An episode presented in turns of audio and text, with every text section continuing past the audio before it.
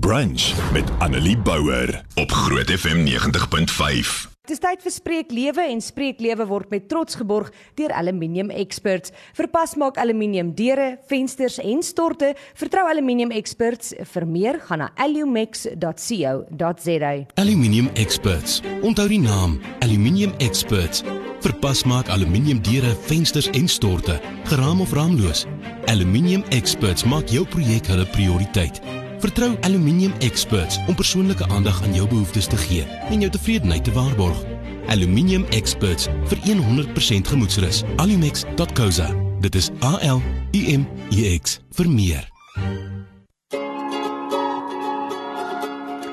So die naweek was ek bietjie weg gewees. Ek het gister ook so daaroor gepraat, net so bietjie gaan rus. Ons was daar by Dulstroom op 'n plaas en basies het ons eintlik niks gedoen behalwe regtig net bietjie rustig geword en net weer asem gehaal en net weer so bietjie 'n uh, perspektief gaan soek nie. Nou, die Saterdag lê ek onder, ek het 'n kombers gevat. Almal het besluit ons gaan 'n middagslaapie vat want ons kan vir 'n slag. En ek het 'n kombers gevat en ek het buite onder 'n boom gaan gooi en ek het daar gaan lê en 'n uh, bietjie ook deur my Bybel geblaai en net weer rustig geword. En toe kom ek af op 1 Konings 19. Nou, dit is die storie van Elia. Nou ek weet Konings is vir baie mense moeilike boeke om te lees want daar's verskriklik baie name, daar's verskriklik baie wrede, daar's verskriklik baie oorloë, die een nou nie van daai een nie. Dit is partykeer voel dit bietjie soos chaos. Maar gelukkig het ek 'n prentjie brein. So ek sien hierdie storie voor my afspeel soos 'n fliek en hierdie is die tipe stories waarvan flieks gemaak word.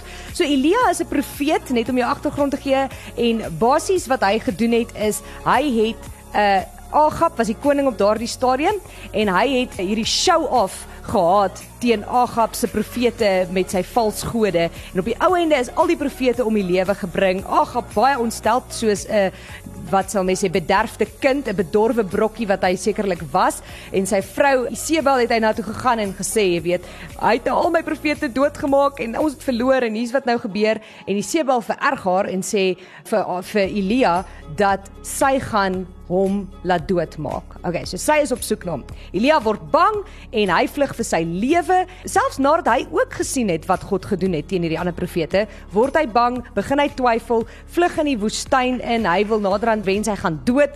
Hy ly honger, hy ly dors. Die Here sê vir hom en daar gaan hy en hy gaan lê onder 'n besembos en hy raak aan die slaap en toe hom weer kry, 'n engel hom wakker en sê eet en hy eet en hy drink en later sê gaan hy na 'n grot toe en hy gaan in die grot in en die Here vra vir hom: "Wat maak jy hier, Elia?"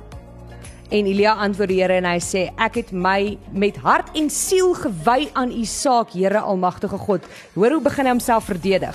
Die Israeliete het die verbond met U verbreek. Hulle het U altare afgebreek. Jy weet ons het al gepraat oor daai kyk wat doen hulle.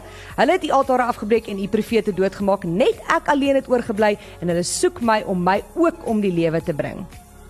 En die Here sê dan vir hom in 1 Konings 19 vers 11: Kom uit en gaan staan op die berg voor my, die Here. Ek wil verbygaan.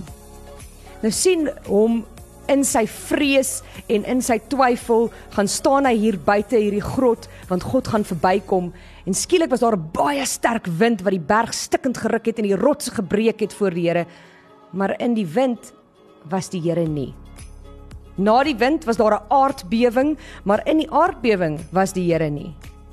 En dan na die aardbewing was daar 'n vuur, maar in die vuur was die Here nie. En na die vuur was daar 'n fluistering in die windstilte. Vers 13 sê toe Elia dit hoor, het hy sy gesig met sy mantel toegemaak en by die bek van die grot gaan staan. Toe hoor hy 'n stem wat vir hom sê: "Wat maak jy hier, Elia?" En hy het geantwoord en weer sy hele storie vertel en die Here sê vir hom: "Draai in jou spore om na die Damaskus woestyn toe en as jy daar aankom, moet jy vir Gasiel salf tot koning van Aram." En dan vertel hy vir hom wat hy moet doen.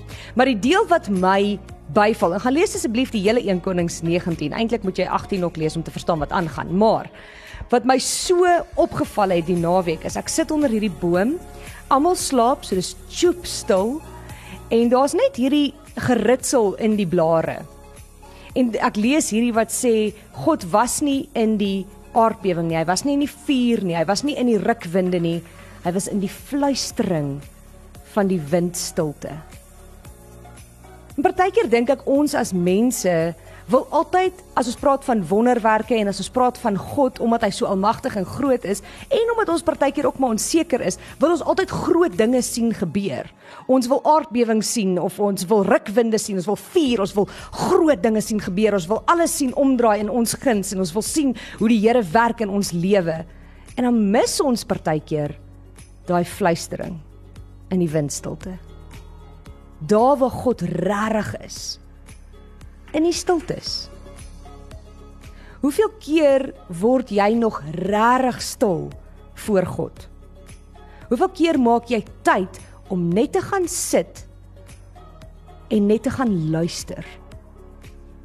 En ek dink dit is iets wat my geraak het die naweek, is om net daar in die natuur onder hierdie boom te sit en die geritsel in die blare te hoor en die voeltjies te hoor sing en die water te hoor loop by die waterval en net te besef maar hier is waar God is. God is nie net in die groot en die sterk dinge wat ons maklik raak sien in die lewe nie. God is in daai stiltes. God is in die klein dinge wat ons baie keer mis. Daai glimlag wat iemand vir jou gee of wat jy vir iemand kan gee, daar is God. God is in jou kind se gesiggie in die oggend. God is in jou man en in jou vrou wat steeds na jare lank jou wakker word. God is in daai genade dat jy 'n werk het of dat jy 'n huis het. God is in daai stiltes, in daai oomblikke wanneer ons dit nie verwag nie, in daai oomblikke wat ons so maklik miskyk. Mag jy in die week wat kom regtig oplet om jou.